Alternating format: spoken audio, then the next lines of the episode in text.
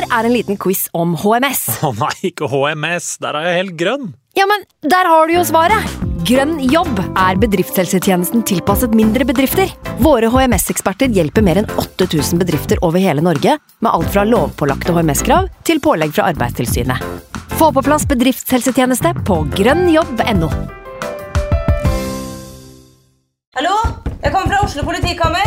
Ine Jansen er purk. Er du purk? The motherfucking bitch. Alt jeg vil, er å finne ut hva som skjedde med mannen min. Jon Carew. Er jeg sikta for noe? Iben Akeli. Det er du.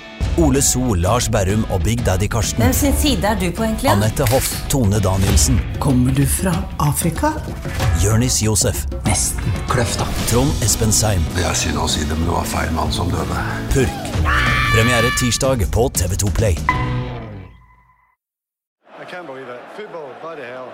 bloody hell. Endelig er eh, Premier League-sesongen sparka i gang igjen. Velkommen til United We-podkast. I dag eh, stiller vi ganske eh, heavy, vil jeg si, fra VGTV. Jon Martin Henriksen, velkommen. Tusen takk.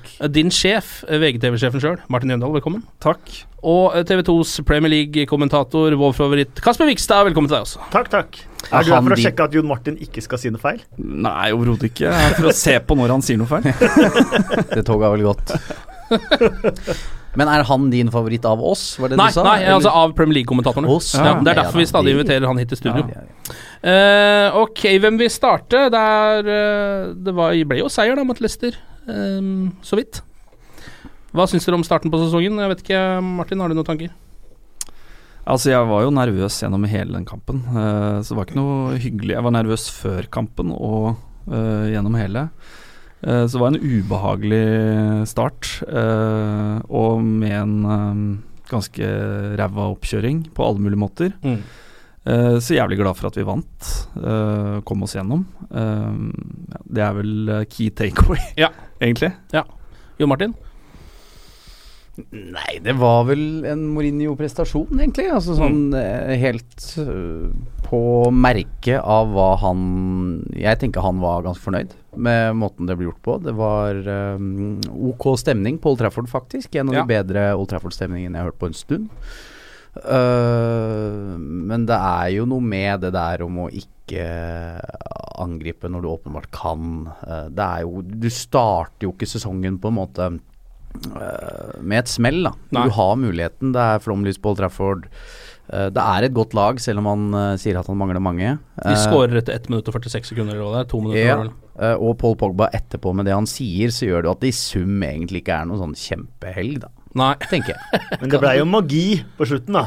Da Luke Shaw scora. Det er jo Ja, ja, faktisk sånn magi man ikke har sett der på kjempelenge, hvor alle bare er sånn helt euforisk glade, og Mourinho kaster seg inn Ja. liksom blant trenerne, og det var liksom Det er ikke et eh, hverdagsøyeblikk, eh, det, da. Nei, nei, det og syns jeg det- var vakkert Det var en fin og fint. opptur. Ja.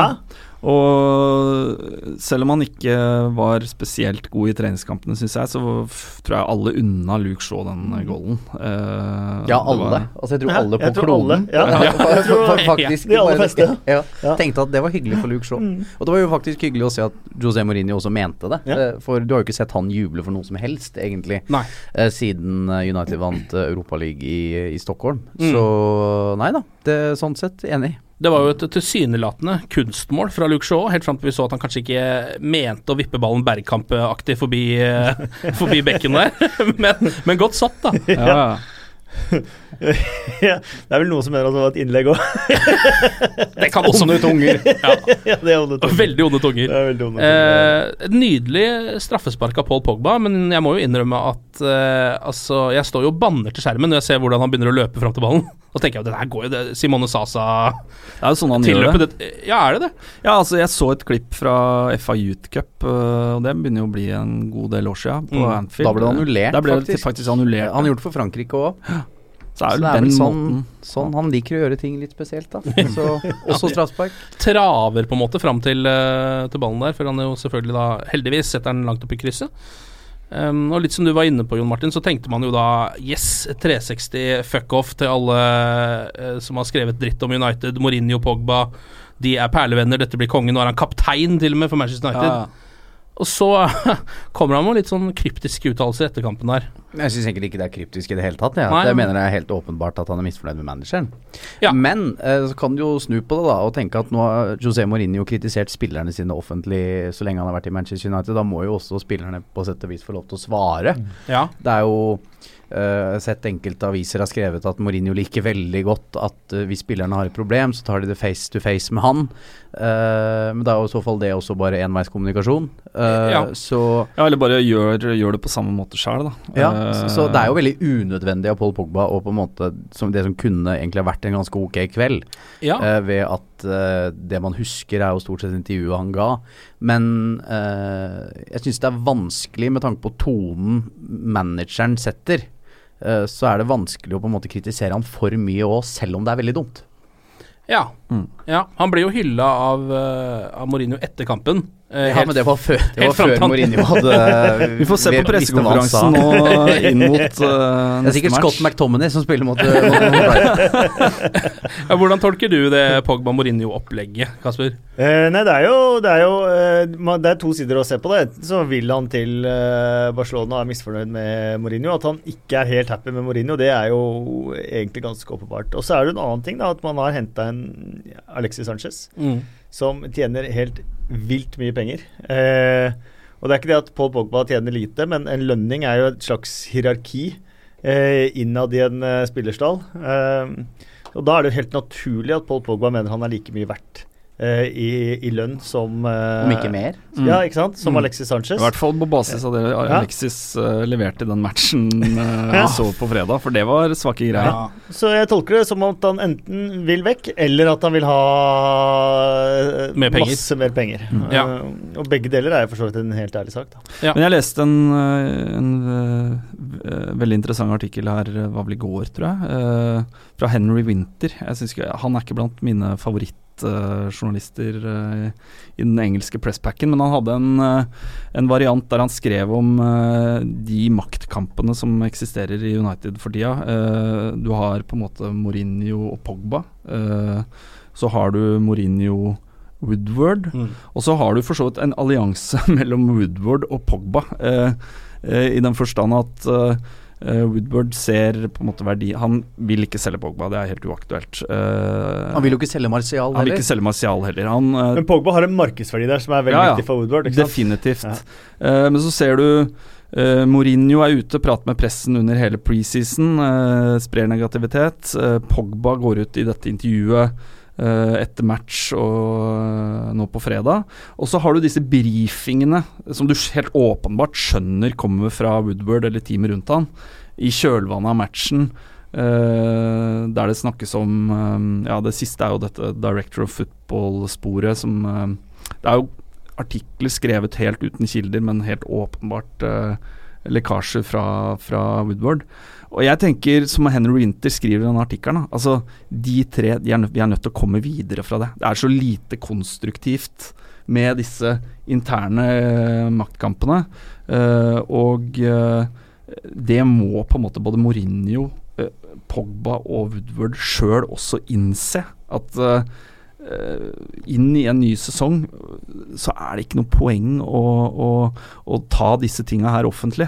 Eller semi-offentlig. Eh, og jeg håper på en måte at eh, det synker litt inn. Eh, at den, for så vidt den kritikken når fram. Fordi den syns jeg var helt uh, on point. Men jeg, det er forståelig at det er frustrasjon hos de forskjellige, syns jeg også, da. som jeg har forstått, så hadde Ed Woodward en eh, sånn hvor han prata med samarbeidspartnere, sponsorer, eh, andre, hvor han eh, sa at sportslig har det ingenting å si eh, Ja. for, for min jobb i forhold til hvor mye eh, Manchester United skal tjene. Inntjeninga er eh, like god uansett. Vi blæste verden eh, på det åkke som. Ja, det var en sånn investor call, tror Ja. jeg, som han har uh, quarterly. Ja. Eller hva var vel at du ikke trenger å vinne trofeer. Nei. Altså, du blir ikke Ja, målt i trofeer. tjener mer penger ja, Tjener Ja. like mye penger Ja, det er jævlig dårlig signaleffekt. Det, ja, og det er jo det signalet Mourinho får, da. Ja. Eh, og så er det Mourinho som da eh, ønsker seg eh, et visst antall eh, spillere. Tenker dette her må jeg ha for å, for å bli mestere. Og så er det uenighet da eh, i ledelsen med Mourinho. Eh, og så er det selvfølgelig hele Pogba-situasjonen. Så at det er tre parter her som blir frustrerte. Det er veldig lett å forstå. Det er veldig lett å forstå også at Mourinho blir frustrert når han ser hvordan det drives i Liverpool og Manchester City, som er to naturlige klubber å sammenligne seg med sånn sett. Mm. Som har et ekstremt tett forhold med sportsdirektør, manager og den ledelsen som skal bruke penger. Og hvor alle tre drar i samme retning for å hente de spillerne man føler man trenger. Mm. Og der er ikke Mourinho, Hele den posisjonen har ikke Mourinho i Manchester United, og der bunner mye frustrasjonen ut. Men samtidig, hvis man ser på Pochettino, da, som er i litt samme situasjon som Mourinho, at uh, du får ikke bruke penger, dette er det du har til rådighet, så har du, du har liksom to valg. Enten skal- Approacher. Ja. ja, enten så kan du sutre over det og spre negativitet og synes at dette er fryktelig, eller så kan du embrace it og prøve øh, å melde utad øh, og innad at dette er kjempebra. Vi trenger ikke spillere som ikke er mye bedre enn dere. Dere er jo supergode. Vi øh, er i en superposisjon, vi, som kan spille med det samme laget neste sesong. Det, det sprer jo noe annet. Hvis det er ting du ikke kan gjøre noe med det, så er det egentlig bare to ting man kan gjøre. Man kan være negativ, eller man kan være positiv til det. Mm. Eh, hvis man ikke får gjort noe med det likevel. Og Da tror jeg du gjør det beste ut av situasjonen hvis du eh, prøver å gjøre det til noe positivt. da. Altså tror jeg kanskje at eh, summen av den maktkampen uh, Woodward-Mourinho, og til en viss grad Mourinho-Pogba eh, Alt begynner jo kanskje i utgangspunktet med eierskapet til United Glacier. Hva, hva er ambisjonen deres bak det eierskapet? Mm. Uh, er ambisjonen å vinne uh, trofeer, eller er ambisjonen å tjene penger? Og alt tyder jo på at de først og fremst er interessert i penga. Ja, men da er jo den director of football-stillingen uansett helt avgjørende. Og jeg synes jo Jeg har jo gnålt om dette her i årevis. At ikke Manchester United, eh, en merkevare som overgår det meste, de er så gode på så mye at de ikke forstår at du må ha et eller annet ledd mellom manager og en direktør. En som på en måte kan For Glazer vil jo bruke minst mulig på å tjene mest mulig.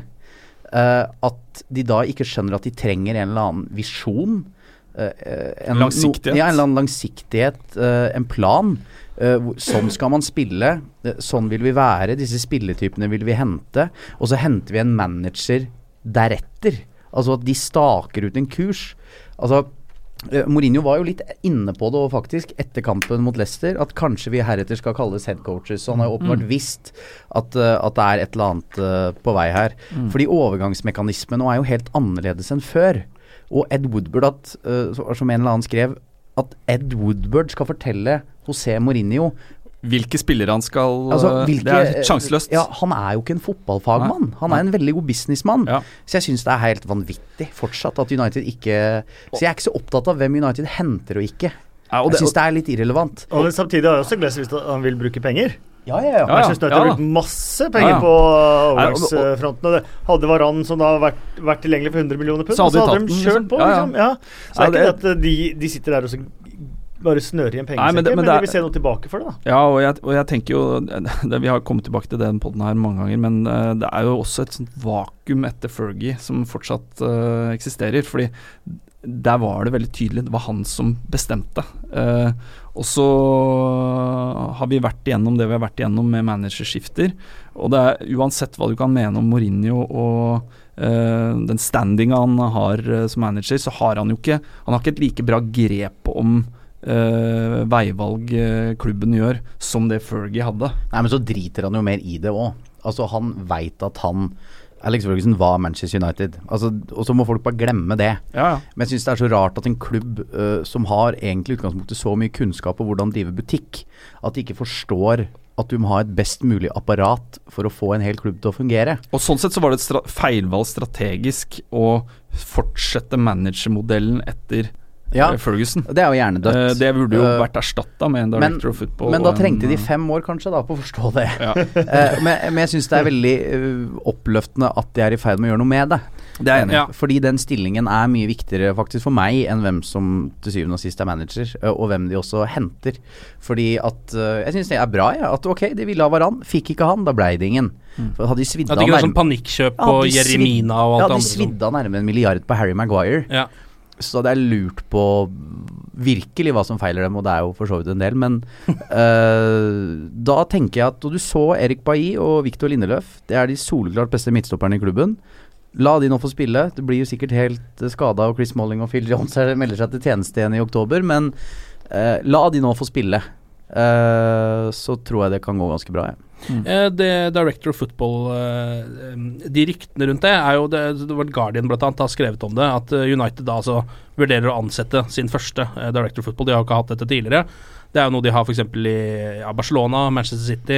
Eh, så har de vel litt sånn Egentlig tok vel bare City hele Barcelona-systemet, gjorde de ikke det? Ja, ja. Det er liksom samme type De, de la til rette for Pep. ja, så bare ansatt i Pep til slutt. Ja, eh, der er det jo han eh, Begirstein, som også er en gammel Barcelona-spiller, som er liksom Mm. sportsdirektør, da, og skal være et sånn bindeledd mellom eh, da manager og Mm. helt opp til styret. Um, hvorfor tror dere dette dukker opp nå, akkurat nå, i starten av en ny sesong, på en måte? Nei, det kan jo like mye være at eh, José Mourinho Jeg tipper han ikke er manager i United neste sesong. Ja. Uh, Du begynner å se framover allerede nå, liksom. ja, men uansett så må jo en klubb tenke lenger enn den som er manager akkurat da. Og det er det jeg er så opptatt av. At eh, de må legge en plan 10, eh, 5, 10, 15, 20 år. Hvordan vil Manchester United at de skal framstå? Altså De må ha en plan.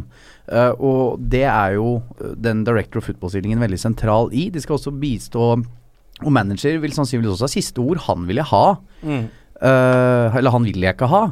Men uh, de må legge en plan, og en som tar seg av den overgangsbiten og legger en visjon for klubben. Og da er den jobben veldig viktig. Og så tipper jeg de fort faller på en Edvin van de Sar. Og jeg, jeg sier ikke at det er dumt, men det er veldig klassisk Manchester United når de skal finne på noe. Da, da henter vi en vi kjenner fra før. Ja, en gammel spiller, ja. Mm. ja. Men så er det jo, vil jeg tro, sånn som ser det fra utsida, at uh, mye er greit for uh, Manchester United og Manchester United-supportere og klubben og alt. Uh, men hvis Liverpool begynner å vinne ligaen, da begynner det å bli ugreit. Eh, for det er en posisjon som Liverpool ikke har hatt siden 1990, og det er en posisjon som Manchester United har overtatt fullstendig. Av de to største klubbene så har Manchester United vært laget som eh, vinner Premier League. Eh, og hvis Liverpool nå, og man ser hva som skjer i Liverpool, og man ser at Liverpool gjør businessen tidlig eh, Nabi Keita var klar allerede i januar. De er ferdige å handle alle brikkene de trenger til flere uker før eh, ligastart. Og så, hvis de i tillegg da begynner å vinne ligaen, da vil jeg tro at eh, det går noen alar- alarmklokker på, på Trafford. Mm. Eh, tilbake til eh, kampen mot eh, Leicester. Det var jo litt sånn kamp som vi fikk følelsen av at Mourinho også haussa opp en sånn kamp som Som kom til å bli vrien. Han, det virka ikke som han hadde veldig troa på at, den kom til, å, at de kom til å vinne den, rett og slett. Det så man også på feiringa hans da Luke Shaw skåret Han skjønte at det ble tre poeng. Hva syns dere om det som liksom en Eller hva, hva, kan det, hva kan det tyde på da for sesongen framover? Det vi så utpå der. For det er jo tre poeng, de er liksom greie, men det rent spillemessig tenker jeg kanskje Det er, på. det er jo det samme. Manchester Ja. United som vi har uh, sett under uh, Mourinho. Ganske eh, prikk likt. Og det er jo det jeg kanskje syns har vært rarest med, med hele den Mourinho-tiden. Jeg, jeg ser jo at han har brakt et par trofeer inn, og at man har blitt andreplass i Premier League, og at man har liksom fått stabilisert Manchester United helt i toppen etter, etter Moyes og van Gaal. Men jeg hadde jo trodd for Mourinho var jo i ferd med å tippe over på slutten i Chelsea, og så jeg trodde han kom til Manchester United Var vel ikke bare i ferd? Nei. så trodde jeg han kom til Manchester United at da skal bli mer presidential, da. Litt sånn som Ja. vi trodde med Trump før han ble valgt som eh, president. Ja. At han skulle ta liksom the high road og, og sånt noe. Så, så har det på en måte fortsatt litt i det der samme sporet, samtidig som Manchester United i hvert fall i storkamper spiller som underdog. Og for meg, så, igjen som fra utsiden, eh, så kler det ikke Manchester United å spille som underdog i noen kamper. De er verdens største klubb. De er eh, Englands mestvinnende klubb. De er eh, Og du så det aldri under Sir Alex at de i noen kamp så å si spilte som en underdog. Eh, og, og, og uttalelsene til Mourinho er jo også en underdogs uttalelser veldig ofte. Og det syns jeg er en mismatch med, Ja. med Manchester United som klubb. da. For det, det er jo noe han bevisst prøver å bygge opp nå. Et slags sånn underdog-stempel virker det i hvert fall som på meg, da. Eh, Fordi han kanskje trives med det selv og skjønner at de ikke kommer til å vinne ligaen. Eh, Ja, det, det, og det er på en måte hva skal vi si, den eh, mest positive tolkningen av det som skjedde i sommer. Ja. Eh, det er jo på en måte at uh, dette er en, en nærmest en plan uh, fra Mourinho for å flytte fokuset på han sjøl.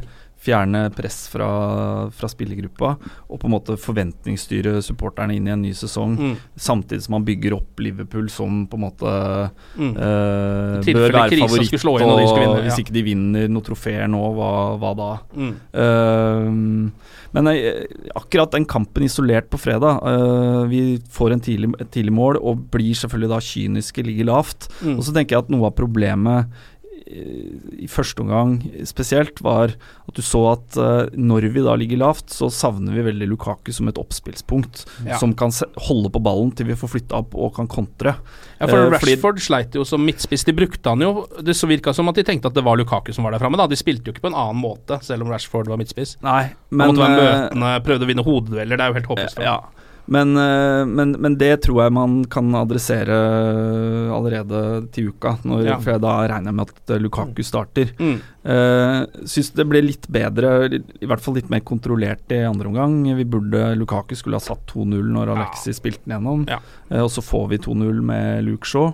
Uh, Leicester hadde skapt jo veldig lite. Uh, så det er en sånn blanding av en sånn du kan si klassisk Mourinho, sånn at med en litt oppgitt stemme og tenke øh, vi skal liksom opp i banen og vinne kamper. Samtidig som med det utgangspunktet fra preseason, de forventningene eh, laget vi stilte med, så var det helt greit for meg at vi bare Ok, den kampen skal vinnes. Mm. Det var det ikke tid for finspill, finspill, på en måte. det er jo og, Og det er noen som står fram i matchen også. Ja, absolutt. Uh, jeg syns, som du var inne på, stoppeparet uh, viser potensial til at eh, eh, at det er et stoppepar å satse på. Jeg er imponert over eh, Pereira. Uh, Ja. Noe av det han gjør i den, uh, den defensive midtbanerollen. Han er jo 99 feilfri i den kampen, Andreas Pereira, selv om han ikke gjør de vanskeligste valgene. Ja, han løser små situasjoner her og der på en Ja. god måte og strør om seg med gode pasninger. Pogba har jo alle snakka om. med den minimale oppladninga han hadde til matchen, det å vare i over 80 minutter eh, og fighte som han gjør, er jo uh, sjukt imponerende. Jeg er uvant å se en uh, spiller være så uh, båndsliten mot slutten av kampen som det Pogba var. Det var tydelig at han kom rett fra poolen, på en måte. Ja, så det, det jeg var mest skuffa over, var uh, på en måte trioen på topp. Eh, Alexis, Rashford, Mata syns jeg gjør veldig lite ut Ja. av seg i den matchen. Eh, så der må det skje forbedringer. Hva skal vi si om Alexis Sanchez, egentlig? Det er litt sånn tosidig, fordi han vil så mye. Altså, det vil han, og du ser det veldig tydelig live. Altså Mm. Hvor mye han faktisk løper, hvor mye han jakter, hvor uh, Men det er en ganske vrien oppgave òg, da. Men måten Mourinho vil spille på Han er jo svært lite involvert når du blir flytta ut på venstrekanten der, og da vil han finne på noe lurt med en gang han får ballen. Eh, og der holder jeg med Kasper eh, i den der at du alltid tar den underdog-tilnærminga. fordi etter den sommeren uh, og når du ser hvor egentlig svakt dette Leicester-laget egentlig var òg, på Old Trafford, uh, så hadde Mourinho gjort seg selv, tror jeg, og alle andre en tjeneste, omgivelsene rundt, ved å bare gått for det. Altså Når du får den tidlige starten gull, på, alle ville altså jo bare, det. Bare kjør på, gi alle en fest. Eh, Du kommer til å komme bedre ut av det. Ja. Laget kommer til å ha en god feeling. Husk Paul Pogba da kommer som verdensmester. Mm. Eh, leverer propagandafotball i en finale i, i, i VM, og så får han beskjed om at du skal passe på med en gang etter ett minutt når du tar ledelsen, ikke sant? Mm. Det, eh, Lukaku, som hadde et kjempe-VM, får nå sikkert beskjed om mot Brighton at du skal ta et kjempeansvar defensivt. Ja. Altså, Det gjør noe med hodene til disse spillerne òg. Og jeg er jo en Mourinho-mann, jeg liker ham godt, men han blir for ekstrem. Uh, så du går ikke ut av Old Trafford med at dette var så veldig gøy, ikke sant? Nei, og jeg må innrømme at det er litt sånn spesielt Altså, det, De skårer jo etter eh, to minutter og 24 sekunder, hver den straffa. Det er det tidligste Premier League-målet til United noensinne. Starta oppløpet på ett minutt og ett Ja, ja. Brukte et minutt på å komme seg fram til ballen, omtrent. Eh, og satt den jo heldigvis eh, i krysset. Og da er det jo et eller annet med at eh, det, var jo, det var jo et utrolig deilig øyeblikk som United-supporter. Altså, sesongen starta sånn, Fordi da var det så mye på en måte som kunne gått skeis, og så gikk det veien, og Pogba hadde kapteinspinnet. Og da tenker man jo også um, Eller da får jeg jo en forventning til at oi, kanskje dette blir gøy. Kanskje de vinner 3-0 i dag. Men det er jo altså, så resten Så av- enkelt er det ikke. Nei, resten av første omgang er jo Altså, da Leicester er jo best resten av første gang. Så Ja, fordi. United vil at ja, Leicester ja, skal ja, være ja, best. ja. Men dette er jo også en av grunnene til, bare for, for å forsvare det bitte litt, er jo at eh, Manchester United var det eneste laget forrige sesong som ikke ga bort til ledelse. Mm. 20 kamper tok ledelsen 1-0, samtlige 20 tok de eh, tre poeng. Det er faktisk en ganske vill statistikk. Ja. Veldig, veldig uvanlig. Ja. Eh, det er en grunn til det, da. Ja da. Hva med altså nykommeren, da? Eh, Fred, eller Fregi, Ja, eh, som de kaller han. eh, Som jeg har bestemt meg for å ikke si, Fordi vi sier jo ikke Cristiano Ronaldo. Nei. Fili, er- Ja, Coutinho, altså. Som, hva, er- hva, hva som kommentator i TV 2, så, så sier du Fredge, eller? Nei, jeg kommenterte en Ja, treningskamp hvor, jeg sa, hvor jeg sa Fred, og jeg tror vi nå har uh, blitt enige om at vi skal si Fred. Har dere morgenmøte på det? Ja, sånn? man har litt det, da. For at ja. eh, mye skaper jo diskusjon i ting, og mest mulig vil man ha rett. Og jeg fikk jo kommentarer, jeg kommenterte treningskamper eh, med én treningskamp med Manchester United der jeg sa Fred. Ja. Så var det flere på Twitter som sa han heter Frage. Ja, ja. ikke sant? Så, Ja, det, ja. så det blir jo, det det blir du, all, du tilfredsstiller jo ikke alle uansett. Men NRK, Men noen- NRK hadde nok sagt det, fordi de kjø- det er jo på Ja, der er det- kjør ja, og ja, de greiene Men noen ganger så kan det bli så rett at det blir feil, hvis du skjønner hva jeg mener. Ja. Eh, så uh, så jeg, jeg tror vi faktisk blir enige om at det er Fred uh, Ja. framover, og så vet vi at det egentlig er Freyj. Ja. Du kan jo si det, Fred, som egentlig. Men i, i podkasten her skal vi finne konsensus. Fred, da? Vi kan gå for Fred her. Ja. Vi sier Fred. Uh, Jeg liker han, jeg. Ja. Eh, jeg syns han tilfører noe nytt. Første match eh, Bra balltempo. Uh, tilfører noe helt annet. Jeg liker han godt. Du får mer uh, motor uh, på midtbanen. Jeg tror det vil gjøre Pogba enda bedre òg.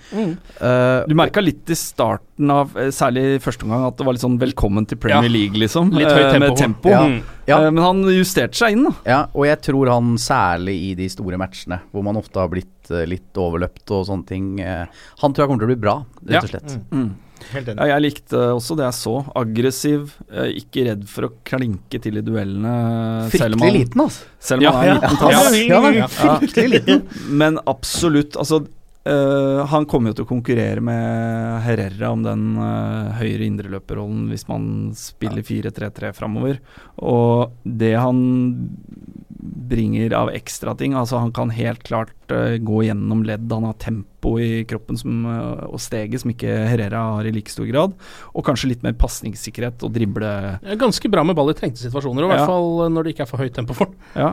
Nei, jeg var også Jeg likte det jeg så, selv om det ikke var Han var på ingen måte liksom Uniteds beste Nei. i matchen. Nei, men du ser, at, du ser at det der kommer til å Ja. ordne seg, tenker Ja. jeg. Men ser man for seg liksom han, du, Matic og Pogba i en TV, Ja. da? Ja. Ja, du så i hvert fall at det, det her er ikke en ny Kleberson. Uh, det tror jeg vi kan på en måte med relativt stor sikkerhet si allerede etter én match. ja, og da er det kanskje Da er det suksess uansett, eh, tenker jeg.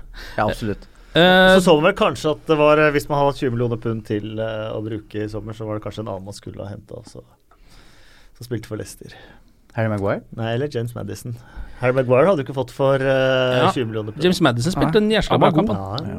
han er god. Han, han, han, er, jo- ja, han er jo fra ditt gamle lag. Ja, hvor har han spilt før? Ja, Norwich hadde spilt i League, League One de, hvis ikke han hadde spilt for Norwich forrige sesong, så det, det tror jeg ikke er noe å lure på engang. Så ja, de sleit noe voldsomt med han, i, spesielt i første omgang. Utover andre omgang der også. ankelskade. Skal vi gi ut noen uh, poeng da for Uniteds tre beste spillere? Hvem har lyst til å starte? Det er jo da ett poeng til den tredje beste, to til nest beste og tre til den dere mener var Uniteds beste spiller. Skal vi begynne på tre eller én? Begynn på én, du. Jeg begynner på Det er best dramaturgisk. Ok, jeg skjønner. Én uh, Victor Lindeløf. Ja. Og skal jeg ta helt Og jeg skal ta alle tre nå, jeg. Sånn det var. Ja, vi går, ja. Da gir jeg to til Paul Pogba og tre til Erik Bailly. ja, den er fin, den. Ja. Kasper, har du lyst til å uh, Da tror jeg tar én Fred. To uh, Pogba. Tre Bay. Ja. Hva var den? Uh, da går jeg for én til Pereira. eh, to til Pogba og tre til Rashford. Rashford. Tre til Bailly? Ja. Ja. Jeg det syns han var uh, Konsensus om at Bailly var eh, Uniteds beste i den kampen. Ja. Det var deilig å ha han tilbake igjen, selv om han jo alle kampene i preseason Jeg vet ikke om han gjorde det mot Leicester, men han har vært nede minst én gang. Ja, med en Ja, ja. skade som han har vart i spiller sånn med hele kroppen. Ja, han ja. Han ligger alltid nede. Liksom, det er alltid, han er alltid skada i løpet av kampen, men så kommer han seg igjen. Det er jo veldig greit. Ja, og det er, hva skal jeg si Jeg, jeg har jo store vanskeligheter med duoen Chris Malling og Phil Jones. Uh, og du veit at de er på en måte som en slags eh, et skadedyr som du aldri blir kvitt. Du prøver og prøver og prøver, uh, men de er alltid der uh, og klør. Um, og når du er helt sikker på at Chris Malling er død, så, så avgjør Manchester Derby. Ikke sant? Altså, det, er alltid, det er alltid et eller annet sånt. Ja. Men så lenge disse to holder seg skadefrie, så vil man slippe å se eh, de to mer, i, eh, mer enn nødvendig i aksjon. Og jeg syns Lindeløf eh, også Det var jo mye Grankvist-snakk under, under VM, men jeg syns Lindeløf også var veldig god Mm. eh, i, i VM for Sverige. Og de to er også en duo som utfyller hverandre veldig bra. Mm. Eh, og du husker jo Erik Bailly, bare den matchen han spilte mot Liverpool på Old Trafford eh, forrige sesong da United vant. Meget bra. Så lenge han holder seg skadefri, så har de jo en av Premier Leagues absolutt beste midtstoppere, tenker jeg, i han. Mm. Ja, så tenker jeg jo at uh, jeg- Jeg vil vel anta at uh, Phil Jones er liksom tredjevalg uh, akkurat nå, i hvert fall. og- Nei, jeg tror det er Chris Malling, altså. Tror du det? Ja, jeg tror Jeg har, syns at Mourinho har en eller annen forkjærlighet for det. Og alle managere har jo det. Så det må jo være noe med de jeg ikke ser. Men bør det ikke dyrkes litt, sånn at venstre Dyrkes? ven- Ja, altså venstre ja, Det har jo ikke blitt noe men- annet enn dyrka Nei, men øh, Dyrke litt roller her i forhold til at uh, venstre stoppeplass uh, Lindløf et førstevalg, med akkurat nå Phil Jones, uh, til mitt skjønn i hvert fall, som et uh, andrevalg. Mens blir Bailly uh, skada, så vil Smalling komme inn på høyre stoppeplass. Ja, altså sånn, ja. litt sånn duo i forhold til uh, Bailly ekstremt uh, duellsterk, uh, mens uh, Lindløf litt mer spillende. Mm. Eh, og så kan man jo diskutere hvorvidt Det er jo ingen av verken Smalling eller Jones som er spillende, men, eh, men eh, de fire stopperalternativa i, i sum er jo det ganske bra. Det er jo ja, Ja, Det jeg tror Mourinho ville ha inn, var på en måte bare mer erfaring. eh, I en litt eldre, mer erfaren stopper. Uh, som Ja, nå var jo Maguire en av de han ville ha, da, så det virker jo som han egentlig bare ville Ja, eller ville, ja, det vet vet vi jo ikke. Nei, nei, men, eh, nei. Men uh, hva med uh, Luke Shaw, da, som jo spiller en Altså, han, målet er jo det som står ut, men han spiller jo en ganske solid kamp, gjør han ikke det? Men alltid når han leverer en god match, så sitter han på benken i det neste. Så da er det vel fort Ashley Young mot Det er problemet. Ja, han- det er ja. fordi at jeg tenkte med en gang han scora det målet her Det som har vært Luke Shaws kanskje største problem, er jo det har kommet til en veldig stor klubb. Eh, tok tid å tilpasse seg til eh, det fra Southampton som en veldig ung spiller. Eh, fikk denne her fryktelige beinbruddet sitt. Ja. Sleit med å komme tilbake til det, og det gjør man jo i eh, et lag som Manchester United. Det hadde sikkert vært lettere å komme tilbake hvis han hadde eh, spilt for Southampton eller, eh, eller et eller annet. Og så i tillegg får han alt dette her fra eh, Mourinho og sånt noe, som heller ikke hjelper på selvtilliten. Så jeg tenkte nå at med den selvtilliten fra den skåringa, den gode følelsen, den å merke at åh, jeg er med på dette her, kanskje man får se en litt annen Luke Shaw, og en mye bedre Luke Shaw. For at han har eh, masse ferdigheter, det jeg føler jeg det ikke kan være tvil om. Men jeg, man skal ikke undervurdere det som skjer inni hodet. Eh, jeg tror han har spilt totalt uten selvtillit lenge.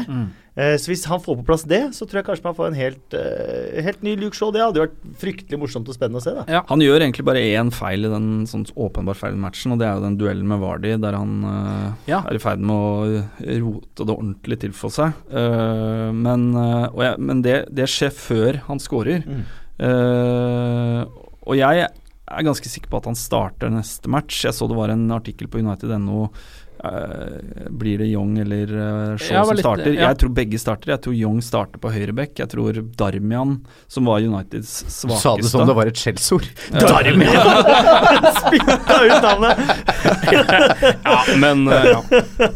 Jeg tror ikke han starter eh, på søndag. eh, Tror dere, tror dere han tror- ender opp i Serie A, Darmian, eller? Sånn, det er jo fortsatt tid å komme seg inn der. Ja, det Ja. bør han. Ja. Ta med seg det Det skinnskjegget og ja. Uh, nei, jeg tror Young starter på høyreback, eh, Ja. som han jo uh, har vist at han kan spille. Hvor lenge er Valencia ute, er det noen som vet det? Jeg er ikke sikker. Nei, han er jo, var jo både litt dårlig trent og har fått en skade, så det Ja. Ja, Og jo apropos første treningskamp, var det ikke det? Så han har ikke liksom fått noe preseason. i Nei.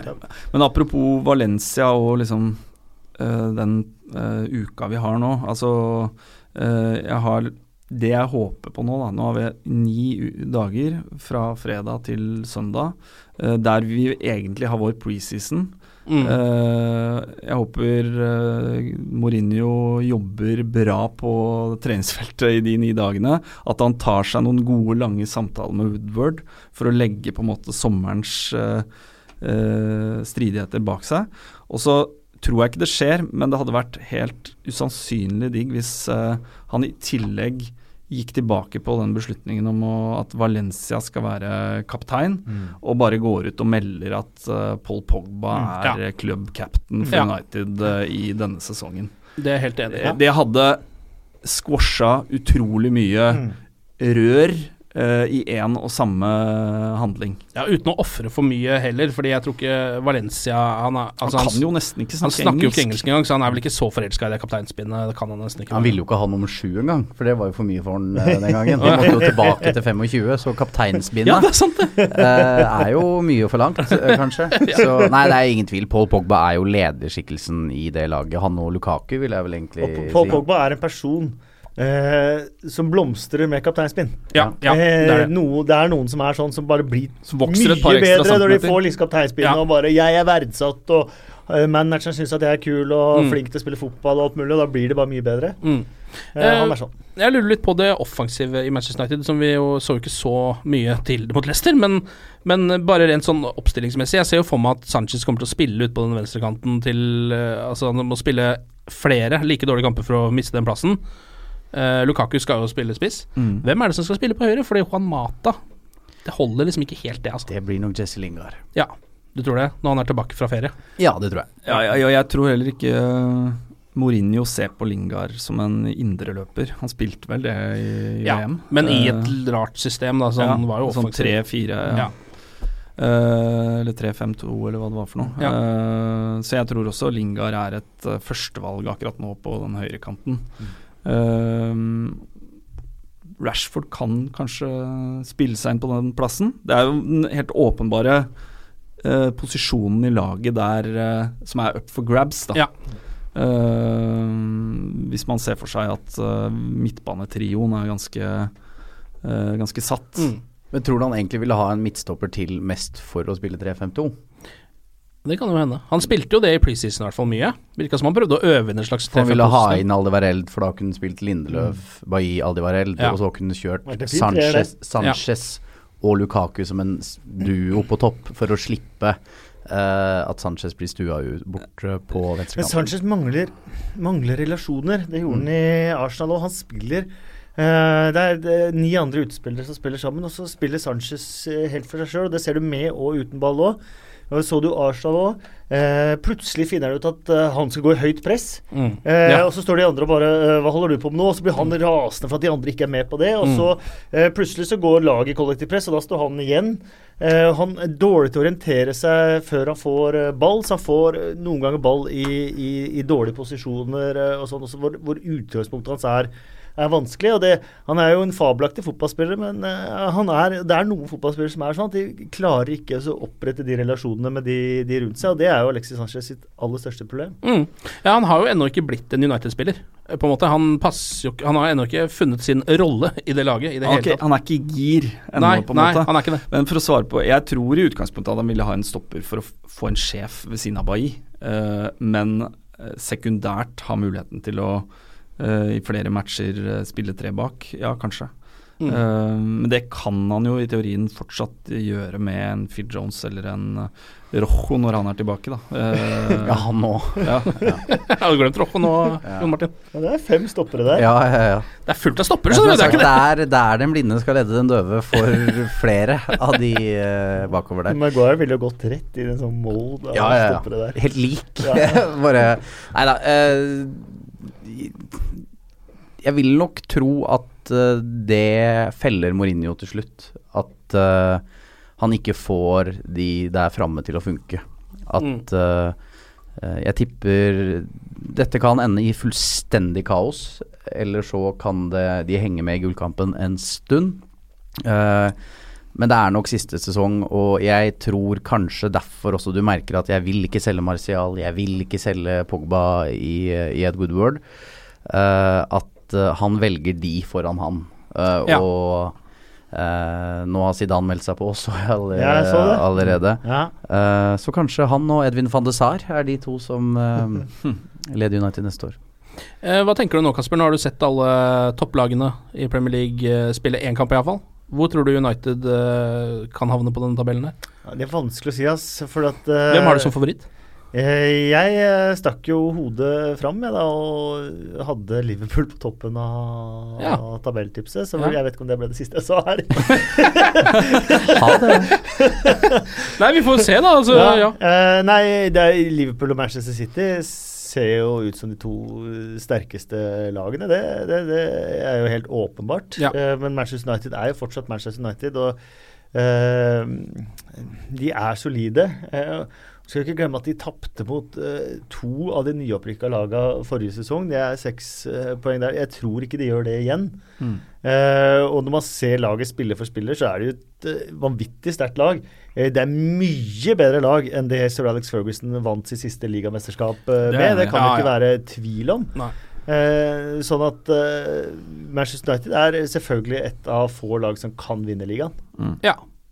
Men eh, ja, jeg tenker jo det vi så på søndag, når eh, City slår Arsenal eh, ganske lett 2-0 Ja. borte. Og så kan man vurdere hvor sterkt det Arsenal-laget er, men for meg er de en åpenbar favoritt. Eh, de vant ligaen med 19 poeng ned til 19 United. Ja. Og da må det ha vært 25 poeng ned til Liverpool. 25 poeng ned til Liverpool. også, men så er det sånn at Liverpool fra nyttåret inn ikke var så langt bak Manchester City i eh, det hele tatt. Eh, Liverpool slo også Manchester City i tre av fire kamper Mm. forrige sesong. De var vel eneste lag som ikke tapte hjemme hele forrige sesong. Så de, det er en grunnmur der på plass. Og så hadde de et par åpenbare mangler, det Liverpool-laget, og det har de tetta i løpet av overgangsvinduet. både på sentrale midtbaneplassen, på keeperplassen og van Dijk med fra start. Så det, de er helt sånn åpenbart forsterka der de skulle forsterke seg.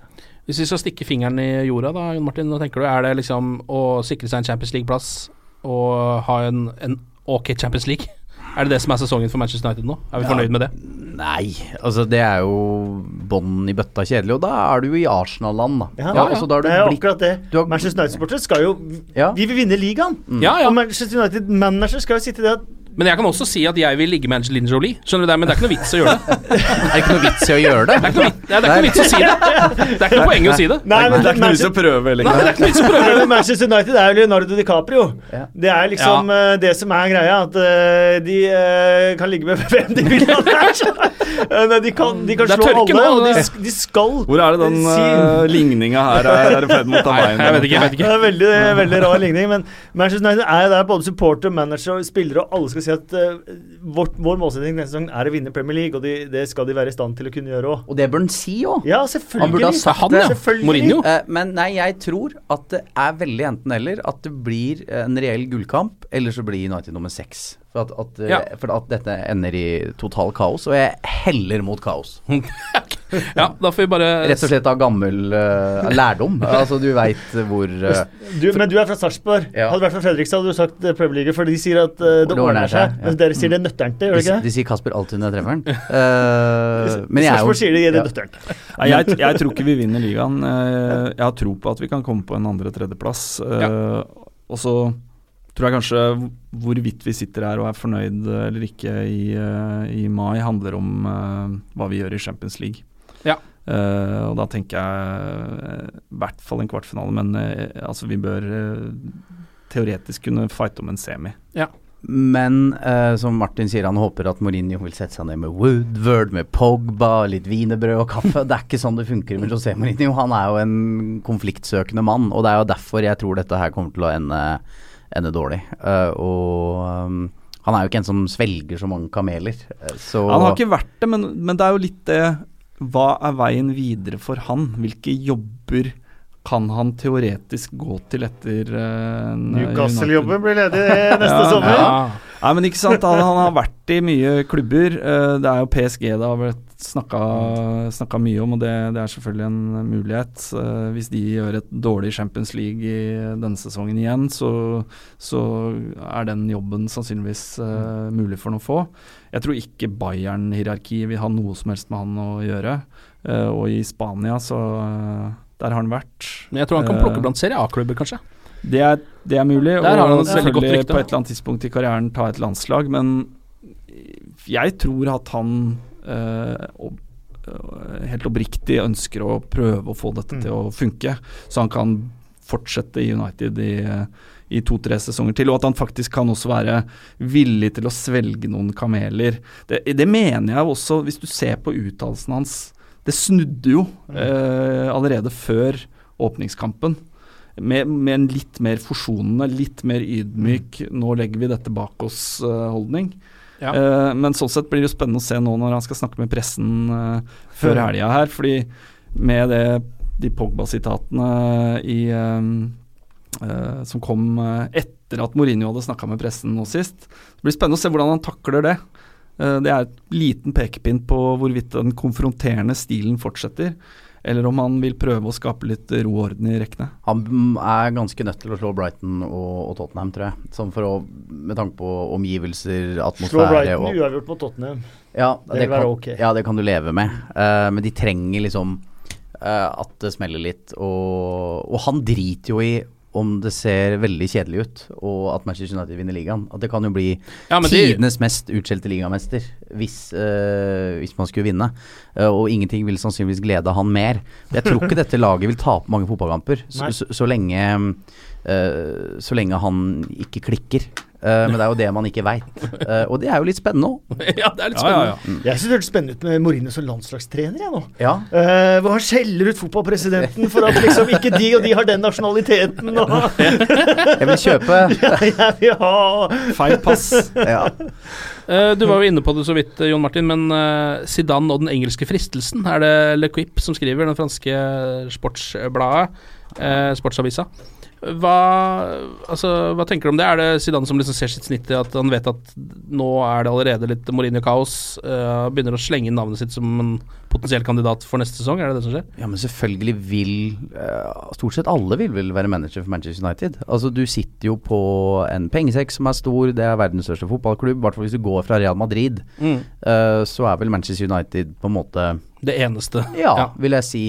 Eh, sånn i ren størrelse, så det er jo helt naturlig hvis han vil ha den jobben. Uh, hvis United skal ha en ny manager, så bør du vel uh, dra heller til Nord-London, i min bok. Ja, ja. Men eh, Pochettino bør stå på toppen av den. Ja, det tror jeg også han gjør. eh, men for all del, det er jo lite å utsette på den Zidane-CV-en i Real Madrid. Men allikevel, og det sitter vel mange med den følelsen at ah, Ja. Hvor god er egentlig du? Ja, og spesielt siden han ga seg så kraftig på topp òg. Ja, men eh, det er en faktor til her, da. Eh, Det er jo det at eh, man får inntrykk av at det er enkelte spillere som ikke vil spille under Mourinho, for de ser jo hvordan liksom ja. atmosfæren er i Mourinho-lag. En Zidane vil jo både ha Manchester United som taler for deg, og at man har lyst til å spille under Zidane òg, da. Mm. Jeg tror Zidane er bra, jeg. Mm. Eh, Men eh, man har jo bare sett han for et av verdens beste fotballag. Ja, og det er jo ingenting. Apropos eh, det, så har jo Courtois nå gått til Real Madrid, så nå kan vi jo slappe av litt med Nå kan de kaste den ja, faksmaskinen. nå, Altså, nå nå- trenger vi ikke faksmaskinen lenger. den må bare sendes inn i museet til United, da. Er- Hvis ikke han står der allerede. Ja, den har gjort jobben, den. Ja, den hvis jeg drar i det museet en gang til og ikke ser den faksmaskinen i et glassmonter, blir jeg reelt skuffa. Hvor mange ganger har du vært i det museet nå? Nok Ja. ganger til at jeg ikke har uh, umiddelbare planer om å returnere. Eh, så jo også Har dere sett uh, Sett eh, Wayne Rooney for DC United nå? ja, ja, det siste her, ja. det må vi nesten dra fram, Ja. syns jeg. Gode, gamle Wayne Rooney, uh, som um, som altså hadde det villeste returløpet han har hatt gjennom hele sin fotballkarriere, tror jeg. Siden han var i hvert fall 18-19 år gammel. Takla en fyr helt nede på ved, ved sidelinja, banka ballen opp og fikk en assist. Han er liksom Det er vintage Rooney. Ja, det er vintage Rooney. Han, han går fra, og egentlig så taper de den kampen i den kontringa setter i gang, så har de, for det er uavgjort når det skjer. Jeg skjønner, men jeg skjønner ingenting. Jeg har ikke lest mye om kampen, jeg må innrømme det. Men uh, det var en seriekamp, Ja.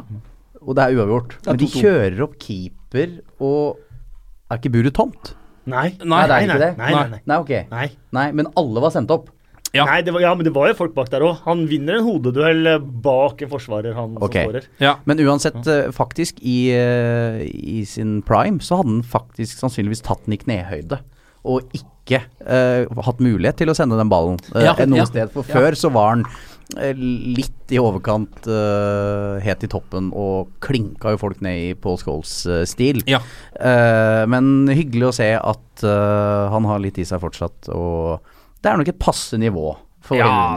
Ja, jeg var faktisk og så DC United i fjor i august. Da jeg var på Manchester Uniteds eh, treningsleir da de var i Washington. Uh, og det nivået Det kan man si mye om! Deshaun Brown spilte jo Ja, uh, ja, på, på DC United da. Uh, han møtte jeg på hotellet. Og han er Ricardo Clark, han Stabæk-spilleren, spilte jo for deres motstandere Seattle Sounders.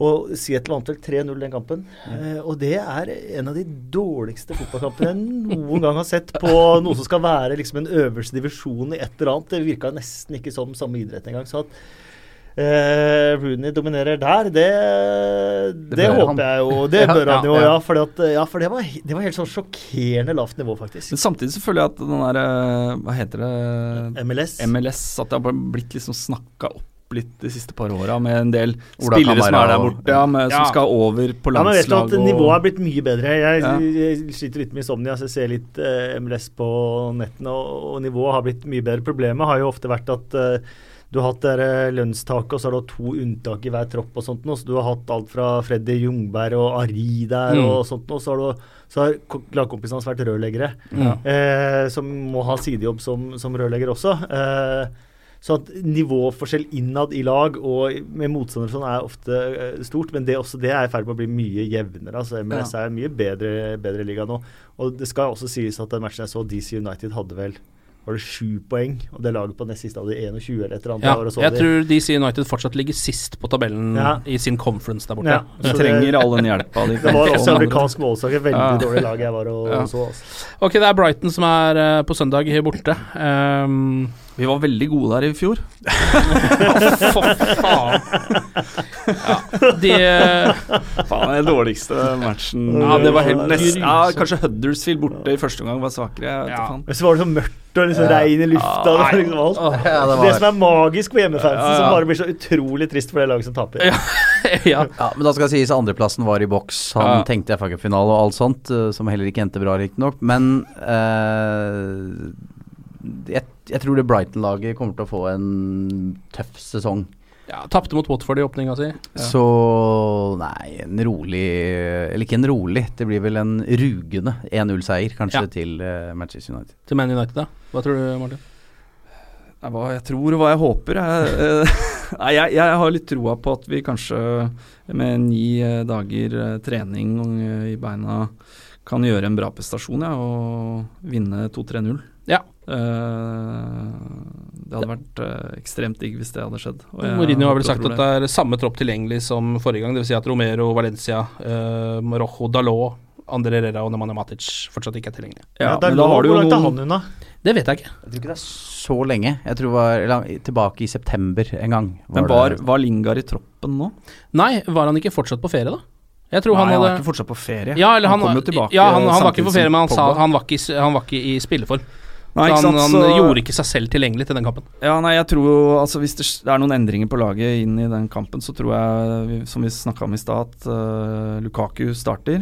Eh, jeg tror muligens at Mata beholder plassen, for jeg vet ikke om Lingard er uh, har nok Nei. trening i beina ennå, men kanskje får et innhopp i eh, 20-30 minutter.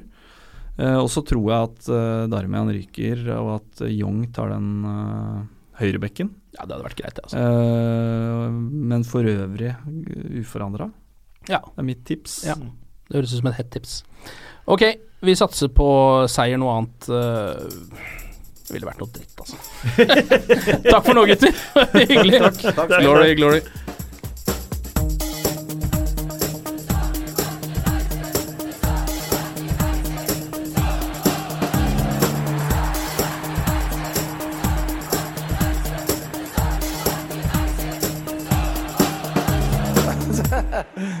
True.